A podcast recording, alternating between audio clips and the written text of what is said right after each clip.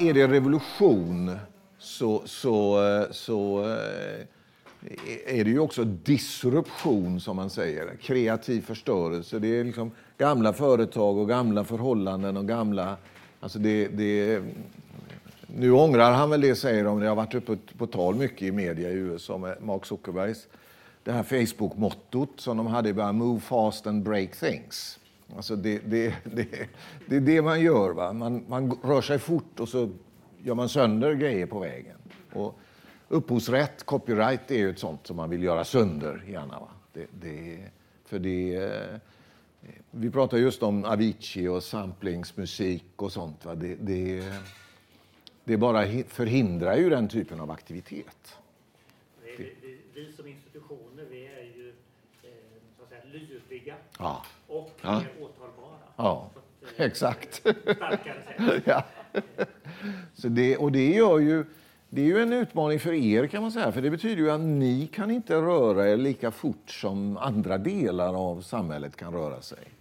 Så att det, det, och det är ju en, ett, eh, det är ett dilemma för offentlig sektor. Det är ett dilemma för stora delar av svensk offentlig sektor. Att, att eh, på 1900-talet bygger vi upp så mycket system och regler för verksamheter som nu inte är så lämpliga att ha egentligen.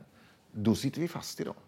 Så det, det, det, men ni, ni hade massa diskussioner på gång där ute. Var det, var det något som, som ni vill lyfta till allihopa? Eller så, någon fundering? Eller bara något? Ja? Ja. ja. Jag arbetar med teatercentrum vars medlemmar är de så kallade fria Ja. teatrarna. Och, och vi, stöter och blöter det här begreppet fri, Mm. vad det innebär att vara fri. Eh, om man till exempel får, får eh, verksamhetsstöd från, eh, från något håll. Ja, så är man inte fri längre. Vissa trådar. Ja. Är man mer fri då än någon som befinner sig på den så kallade fria marknaden? Ja. Tänk på Youtube. Med alla, Ja. alla är välkomna att vara med, men på vissa villkor. De, de, de kapitalistiska villkor, Ja. så att säga, där den starka överlever. Det kanske inte är kvalitet när någon har 10 miljoner prenumeranter. Nej. Vad är det för någonting? Varför de? Men var, var det begreppet kommer in i den, eh, den digitala revolutionen?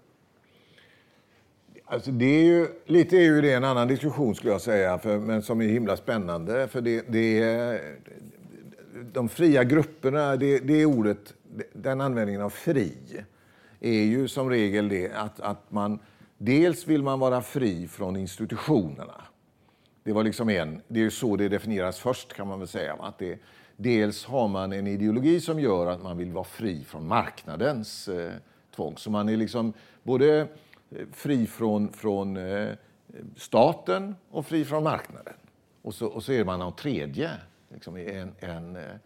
och för mig så skulle jag säga att det är ju en myt. Alltså, för du är, du är beroende av bägge två som fri grupp också. Men du är ju inte organiserat beroende. Och det är ju det du... Så, så att vara en fri grupp innebär ju att hela tiden jobba med friheten.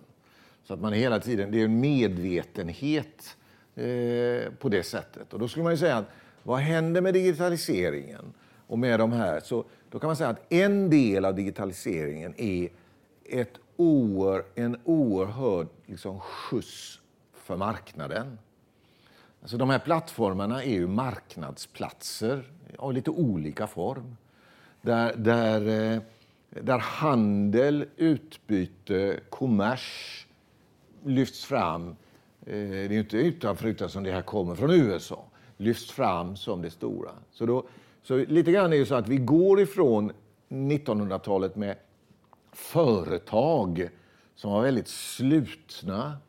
Eh, eh, som opererade på en marknad men som gärna skaffade sig monopol och som gärna best, liksom, eh, eh, stängde eh, både sig själva eh, och marknaden. Så kommer vi till en, en, en värld som är 2000-talets värld, den digitala världen, där de här internet självt då är, är huvudsymbolen. En öppen marknad, en öppen plats, plattform, där alla är välkomna, där ingen styr, ingen bestämmer.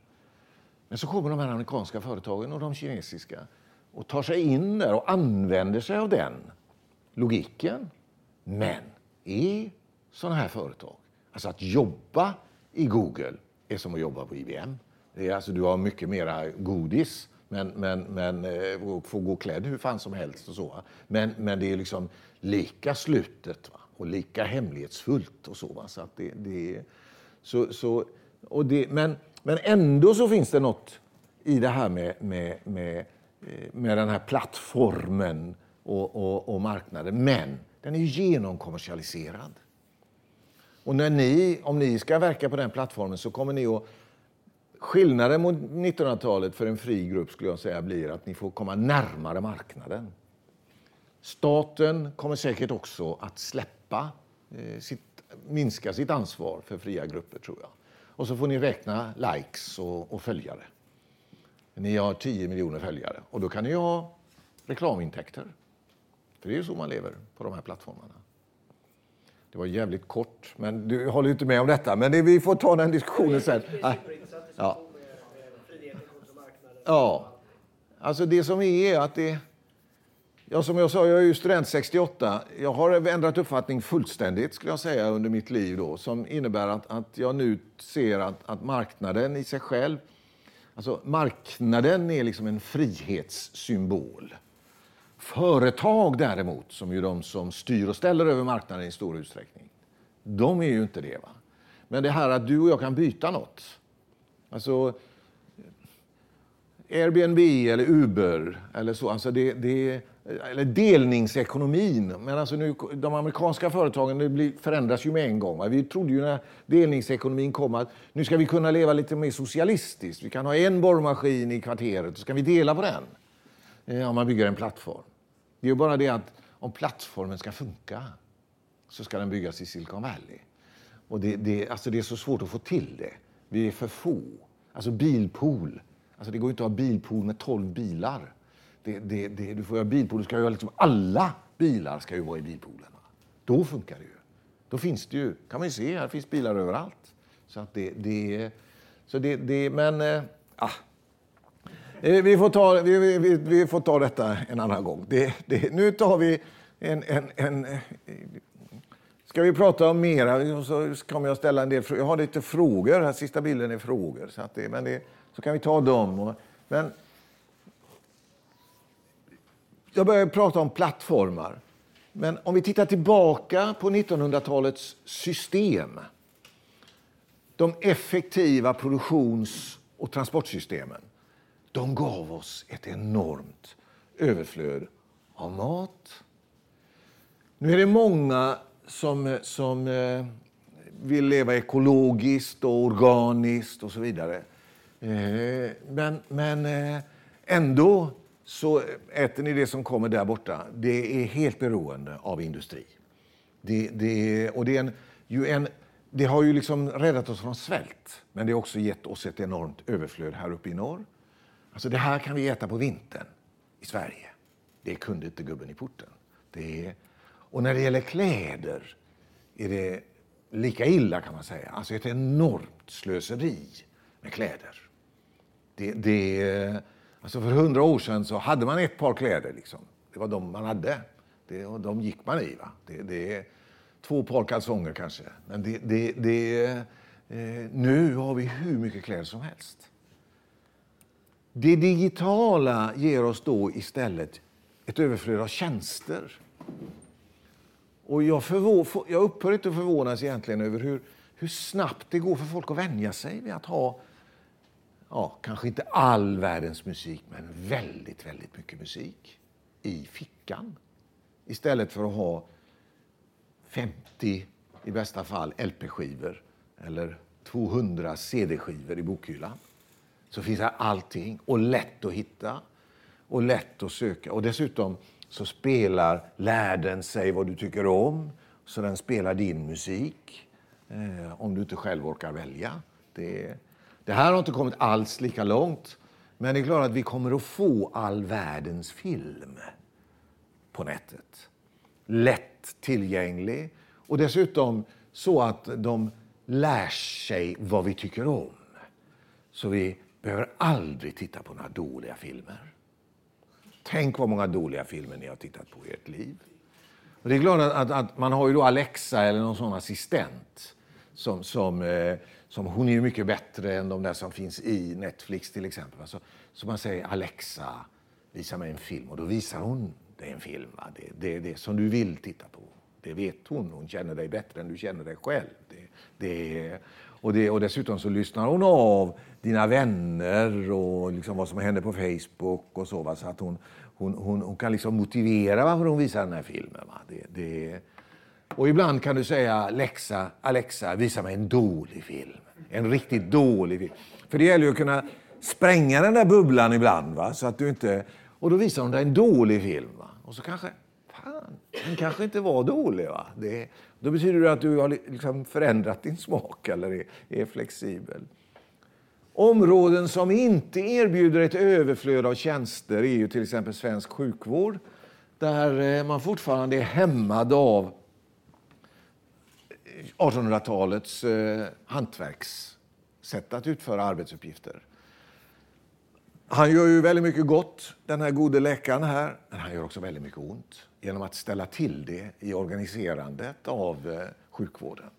Men det ska vi inte prata om här. Eh, på samma sätt är det i skolan.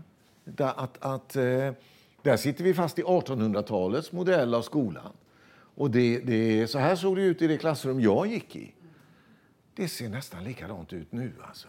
Det, det, på en del ställen har man satt ihop bänkarna i små öar och så. Va? Men det, det, det, och det, det är liksom ett, ett, ett 1800-talstänk i utbildningen. Både Google satsar mycket på sjukvård och vill ju gärna göra våra kroppar mycket smartare, kvantifiera oss. Det här är en, en rörelse som startade i San Francisco, Quantify Self-rörelsen, där man liksom just är med och utvecklar olika sätt att, att eh, kvantifiera dig själv. Apple satsar på utbildning. Och, och, I USA så rullar det ut eh, rätt nya koncept på utbildningsområdet. Eh, det här med flippade klassrum, att man liksom tar lektionerna de lägger man på nätet och så möts eleverna och diskuterar. Det, det, och vi bygger nu, det finns företag som bygger plattformar för skolan här i Sverige nu. Eh, en del ganska duktiga sådana. men eh, det är liksom i väntan på de globala. Alltså språket är inget problem. Google Translate och andra översättningssystem funkar nu i stort sett felfritt. Alltså lika bra som svenska översätt, eller som mänskliga översättare. Så att det, det har man kunnat skratta åt, men det har blivit väldigt mycket bättre. Det, det, så, men vad, det som är huvudpoängen när man eh, förändrar skolan och sjukvården, skulle jag säga, det är att man börjar inse att vi ska inte hålla på att digitalisera för läkarna eller digitalisera sjukvårdsprocesserna, utan vi ska digitalisera för patienterna, eleverna, medborgarna. Vi ska ge dem ett digitalt stöd. För om de får en plattform där de kan vara med och göra en del av jobbet samtidigt som de lär sig eller, eller vad de nu gör för någonting så får, så får man en helt, an, helt andra möjligheter, en mycket större kraft. Och nu ska ni få lyssna på en riktig entreprenörskvinna. Lilla syster till Voices, Susan eh, som har startat ett företag eh, som heter 23andMe. Och det kan man ha många synpunkter på, men eh, lyssna på vad hon säger. The consumer really wasn't that well um, utilized. And we wanted to create a platform for, for individuals to have a voice. Because we didn't think that we could actually make change happen from within the system, we said we need to actually create something that's totally outside of the system that's going to give all of us power to make a difference. And, and that power to make a difference is the ability to say, I want my genome, and I want to be able to network with other people about their genomes or about specific diseases. That's 23andMe.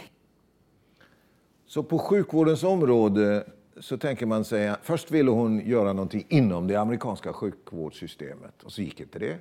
Eh, så då skulle man bygga en plattform utanför. Och vad skulle den plattformen göra? Jo, den skulle ge oss power to make a difference. Och vad krävdes för det? Jo, å ena sidan skulle vi få information om våra sjukdomar, om vår hälsa. Och så skulle vi få möjlighet att nätverka med andra om våra sjukdomar och vår hälsa. Och det här är typiskt att man flyttar ut det. Och, och, och, och då skapar hon det här bolaget. Så man topsar sig och så skickar man in sina, sitt saliv till 23andMe och så får man tillbaka sin genuppsättning. Och prognoser och varningar. Akta dig för du löper stor risk att få detta och detta och detta. Om man bor i USA eller använder en amerikansk adress. För EU har förbjudit detta i Europa. Så att eh, man kan inte få reda på, eh, man kan få reda på vem man är släkt med. Det får man göra i EU. Men inte vilka prognoser. Och det, det här är ett känsligt område. Men det är otroligt framgångsrikt i USA. Och bland annat så har eh, Parkinson, eh, det finns en gen som ökar som gör att du har 50% risk att få Parkinsons sjukdom. Den eh, identifieras och, och, den gruppen där då på 23andMe, det här är ju en plattform där du för de här diskussionerna. Den, den gruppen har blivit en stor, livaktig grupp så du, du, de, de företag i USA, läkemedelsföretag som utvecklar läkemedel mot Parkinson, de köper in sig 23andMe. Så Ann är en sån där dollarmiljardär. Det, det, alltså det är en enorm kraft i... När du kan, för du tänker dig, om du samlar in information från oss då, inte bara om våra, sjuk, våra gener, utan alla våra sjukdomar. Och samlar in det. Och så diskussioner och så när någon vill pröva, när pröva ett nytt läkemedel så prövar man det och några kan berätta jag har prövat detta, jag har prövat detta. Du får en så massa data. Och det är precis detta som vi vill ha i sjukvårds, alltså läkemedelsindustrin till exempel. Kliniska prövningar om hur reagerar, för det visar sig att alla är vi olika. Och här får man det då relaterat till vilka gener man har. Och det, det, så idén där är alltså att, att eh, naturligtvis är idén att när de här plattformarna växer sig starka så ska läkare vara aktiva på plattformarna. Inte bara läkemedelsföretag utan sjukvården, den gamla sjukvården. Så växer den ihop med den här sortens eh, plattformar. Ni har ju utmaningen, skulle jag säga, att, att, att bygga plattformar ut i samhället. Jag har Ja, vi kan diskutera det lite, men det, det, ni löper ju inte den risken att någon kommer och, och gör... Ja, det skulle vara de här fria grupperna då, om ni, om ni lyckades hitta något väldigt smart sätt att bygga en plattform eh, för teaterupplevelser eh, där man, där man eh, liksom, blir folk väldigt mycket mer delaktiga och man, man får tillbaka och kan dela med sig. Och, och det, det Eh, för det finns ju någonting i teatern som är det här att, att eh, eh, ungefär det som är, liksom i all, all dramapedagogik och, och så vidare. Man, man skådespelare som gestaltar våra, vår oro och våra bekymmer. Och man kunde få sån interaktiv teater på ett väldigt smart sätt. Så ja, kanske det finns något som skulle kunna hota institutionerna som är mycket mer tröga då. Inte kan.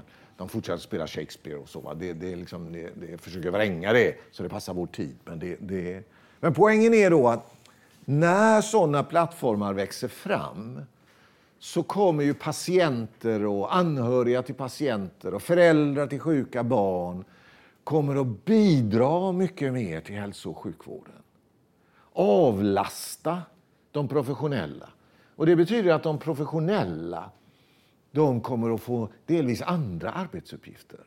Ungefär som jag sa, lärarna får liksom organisera de där digitala plattformarna där barnen arbetar och där det är många andra aktörer inne och hjälper och delar med sig och möter barnen. Och det, det är också för er, alltså, om ni hade bra digitala plattformar så skulle ni kunna engagera, åtminstone i tanken, engagera större delar av samhället och liksom en livaktigare pågående diskussion. Alltså det, det finns ju den gamla institutionen tidningarnas kultursidor och så kulturinstitutionerna. Och så, och så några specialtidskrifter. Alltså det är ganska lite. Alltså det är ganska, alltså, och, och kultursidorna de liksom degenererar och, och förflackas och expanderar och ingen läser dem. Eh, ja, det vet jag inte, men det, det, det, det är ju ändå så att det, det på något sätt så, var pågår den professionella diskussionen. Det, det, det, man tycker det, det, det är som upplagt på något sätt. Det saknas någonting. Liksom. Det, radion, public service, har ju stort utrymme med liksom en timma kultur. Eh, är det stort eller är det inte stort? Ja, man kan fråga sig. Men det, det Ja, eh, I alla fall så, när, när industrialiseringen kom så förvandlades ju de professionella hantverkarna till maskinskötare. Jag tror inte att era professioner eh, kommer att påverkas på det sättet. Men, men eh, det kommer att förändras. För, för det digitala kommer ändå bli en dimension som blir viktig och möjlig att, att verka genom. Det här är, jag är snart färdig nu. Det här är Götaverkens ritkontor 1951. Här sitter 80 ingenjörer och ritar båtar. Och så delar de på en telefon. Men det är ju liksom inget konstigt med det. För de ska ju inte snacka i telefon. De ska jobba. Och då ritar man. Det är det man gör när man jobbar. Och lite grann tänker jag liksom på eh, eh symfoniorkestern, Göteborgs symfoniorkester. Alltså de behöver ju ingen telefon. De ska ju sitta med sina instrument. va, Och, liksom, och dirigenten och öva och så. Va? Men om du, ja, nu finns ju inte Götaverken kvar, men, men eh, så här är en bild av, av, de producerar ritningar, ni producerar konserter. Det är liksom konserten, musiken i fokus. Och det finns en komplex process. Man har ju liksom en begränsad tid när man övar eh, sig fram till den här och liksom finslipar på detaljer och så vidare. Under tiden så är det ju så att utanför går ju folk och undrar eh, finns det någon musik att lyssna på, är det någon konsert eller någonting? Och då kan man ringa eller man kan titta i tidningen, finns det någon annons eller någonting? Det är liksom en minimal kanal ut. Där inne pågår något väldigt stort, men så är det en minimal kanal ut till kunderna. Så går vi in i 2000-talet. Vad händer då med sådana här ritkontor? De får programvaror som ritar. De behöver nästan inte dra ett streck, så blir det en båt. Däremot så måste de ju bestämma vilken båt det är de ska bygga. Och det gör de tillsammans med kunden. Så då har du liksom en relationsbaserad service. Du har hela tiden en relation med kunden. Och så formas produkten i liksom, interaktion med kunden. Med kunderna. För det pågår liksom en diskussion där på de där plattformarna. Det, det, det, och allting övervakas med hjälp av internet. Så att du kan liksom bygga kunskap om det, vad som händer och om, om de som finns där. Och jag ska inte gräva så djupt i detta, för det, men det här är då en, en helt annan modell för att tänka på 2000-talet. Där det är plattformen som är i fokus. Inte operahuset eller konserthuset med dess lokaler, utan plattformen ut i samhället. Och alla de tjänster som den plattformen kan erbjuda, och det är ganska öppet vilka de är. Där finns naturligtvis teater eller musik och opera, men det finns mycket mer. Och mycket runt och kring. Och, och, och, så, och så samlar vi hela tiden data om allt som händer på den här plattformen. Och så räknar vi på de där data. Och så blir det bättre och bättre tjänster. Så vi anpassar vårt utbud eller vår produkt. Ja, du nickar ungefär som du höll med om allt detta, men det... det, det ja, ja. Men det gör jag. Inom till exempel elektronisk musik, den genren idag, så skulle jag säga att vi är där. Okej, okej. Ja, Man delar mycket och... eh, ja, Ja, vad säger du Tommy? Eller fler musik. Ja. Men, men jo, ja, det, det förhåller sig ganska olika inom olika genrer. Så jag tycker det är Ja. jätteintressant. ja. Eh, och där man också är medproducerande, medkommunicerande. Eh, man gör remixer Ja. av, eh, ja, ja. du vet så, vem, är, eh, vem har Vem har skapat detta? Det? Ja. Ja. ja, ja, ja, ja. Ja, men alltså, ja, det är jättespännande. Ja. Upphovsrätt, alltså upphovsrätten är otroligt fascinerande att fundera över vad, vad, hur länge den kommer att finnas kvar. Alltså. För det, den, den, den är ju en del av ett ekonomiskt system. Det är ju det det handlar om. Mycket. Men, men, men eh, alltså det här att, att, att eh, och jag menar det här med att förlänga den till liksom långt efter upphovsmakarens död. Liksom det, det, det, men, men, men Också musik som produceras som inte har ett hus. Eller som Ja. inte liksom, utan som existerar just Ja. digitalt Ja, i ja, ja. hela världen. ja, Eh, ja, Och, och det här. Ja, så att det, ja, det är det är fascinerande. där, fast jag, vet jag, jag känner inte att jag riktigt har förstått det. Men Nej, men det, jag tror inte det är någon som har förstått det riktigt. Alltså det, det, det, det, som, det, som, eh, det som händer är ju... Är ju jag menar, en del av det som händer är ju att... att, att eh, och som man måste...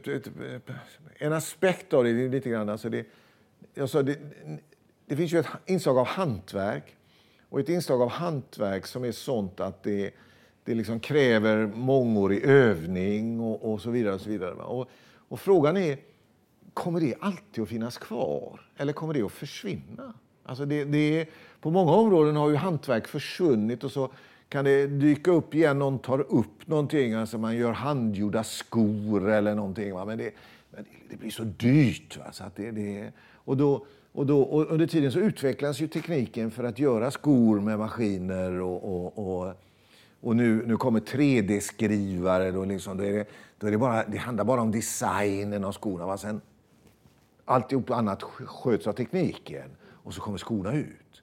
Och musikkomposition kan ju få samma karaktär. Det handlar bara om att veta vad det ska, hur det ska låta. Va? Det, så sen gör tekniken alltihopa. Och du behöver inte någon som står och drar på en stråke eller något sånt heller. Va? Det, det, och det, det, jag skulle ju tycka att det var väldigt konstigt om, eh, om det fanns violinister om 150 år. Alltså. Det, det, det är segt, är det ju, va? men alltså om 150 år, alltså det, det är väldigt märkligt om det gjorde det. Alltså det, det finns ju mycket roligt en människa kan ägna sig åt. Va? Och det, det, och det, det, det, alltså, eh, det finns ju någon bild av hantverket som något väldigt fint. Alltså det, det är slöjd har vi i skolan. Va? Där får de lära sig sy och, och, och liksom arbeta i trä och metall. Alltså det är fullständigt meningslöst. Ingen av dem ska ju jobba med det. Ja, det är personlighetsutvecklande, säger slöjdlärarna. Då. Det, är- det, är liksom det, det är materialkännedom, det är liksom något känna materialet. Så det, man kan hitta på vilka förklaringar som helst för att bevara någonting som egentligen från början hade en helt annan grund. Det, det som var en väsentlig del av eh, 1800-talets eh, kompetensutveckling, att arbeta med händerna. Men, det, det, men musik är ju inte att arbeta med händerna. Det är ju inte matematik heller. Det är ju liksom... Och det, det... Teater, ja, alltså det är, mer, det är svårare tycker jag. Men det, det, det, det är också... Det är ju någonting där med människokroppen. Man säger liksom det, det är för i all den här teknikutvecklingen, alltså det, det ni måste inse är ju att teknikutvecklingen har ju bara knappt börjat. Det gick rätt långsamt. Det tog fart under 1800-talet och så gick det rätt långsamt i början och sen började det plocka upp farten liksom mot slutet av 1900-talet. Och nu börjar det bli lite skjuts på det, men, men vänta. Alltså det, det är på väg att sticka iväg. Och det, det med nya material och nya sorters och intelligens överallt och sensorer och stams, genteknik. Man kan, nu kan man ju bygga organ och liksom, eh, liksom det, det, allt det där är ju... Och det, och det är bara liksom att... Tänk hundra år in i framtiden, hur annorlunda det kommer att vara. Det är annorlunda eh, och skrämmande. Så det sjätte ordet är motstånd. För det finns motstånd mot alla dessa förändringar. Av alla möjliga olika sorters slag. Motstånd av, av typen liksom, eh, att man är rädd för eh, överhuvudtaget att folk rör sig över gränser och så. Det, det, det, och fackföreningar vill förbjuda Uber över hela världen. Det, det, det, och även taxiföretagen, de lokala naturligtvis, vill förbjuda Uber. Och det kan finnas goda argument för det, men samtidigt är det så att själva idén om hur man driver taxiverksamhet är att man har en plattform. Och det är bra om den funkar överallt. Så behöver man inte ha flera. Det, det, det, eh, sen är det en extra svårighet i det här att alla pengar hamnar i de här digitala företagen. Så det, det är en otrolig maktsamling där. Och både i de kinesiska och de eh, amerikanska.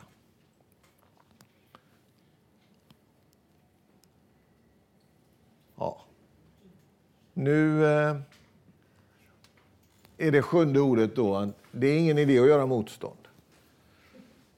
Det är liksom, eh, ja, det är alltid rätt att göra motstånd, men, men, men det är liksom, det, det, det ligger på något sätt i, om digitaliseringen är lik industrialiseringen i väsentliga avseenden så är det ingen idé att göra motstånd.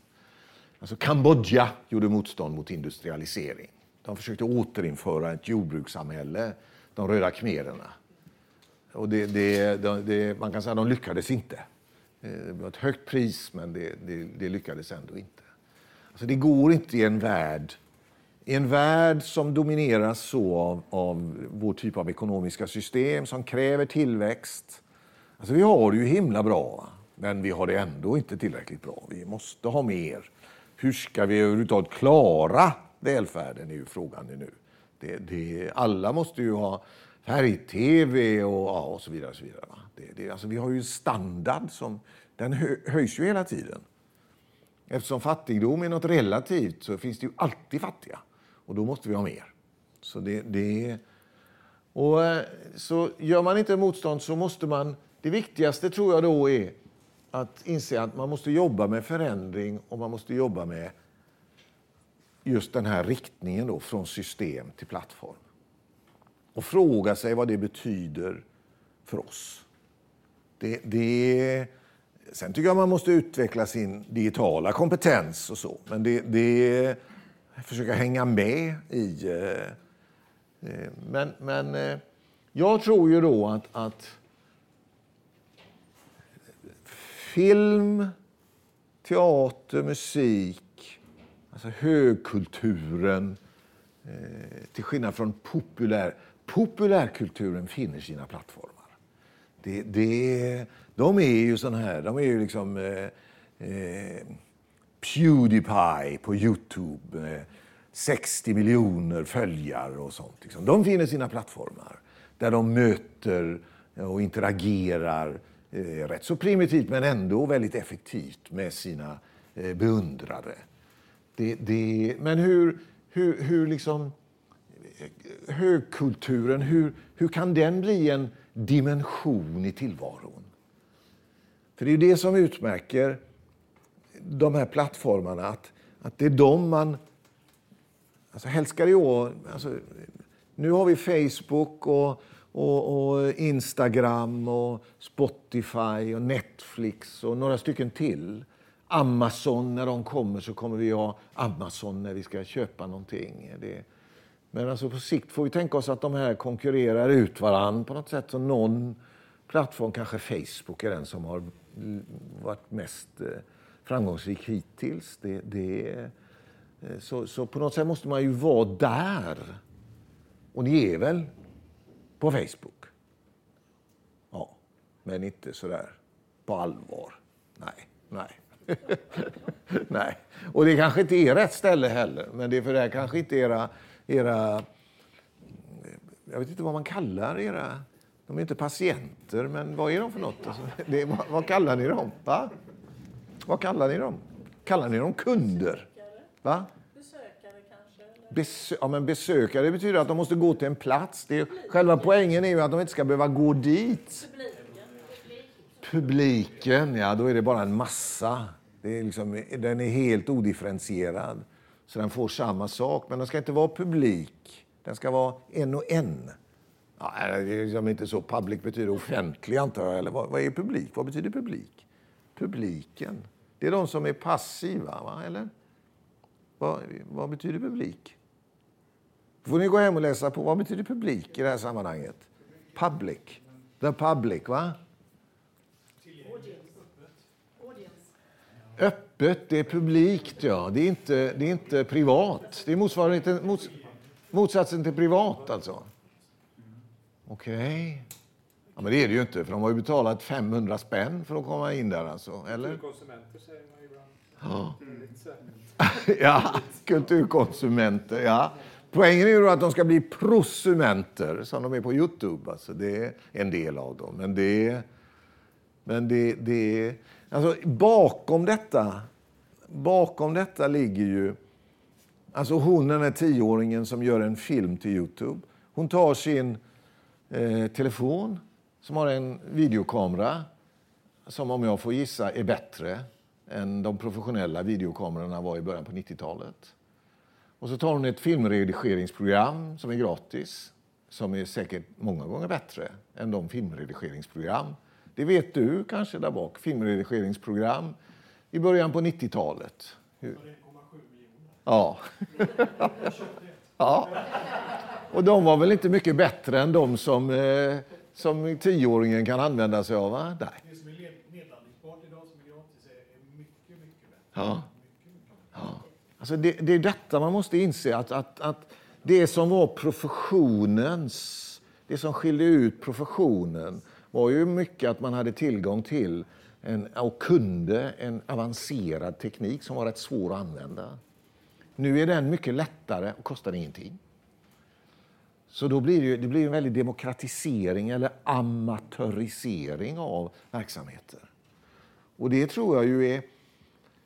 Det ligger för mig något sympatiskt i detta. Alltså det, det, det finns ju något väldigt sånt, sånt eh, elitistiskt över era verksamheter.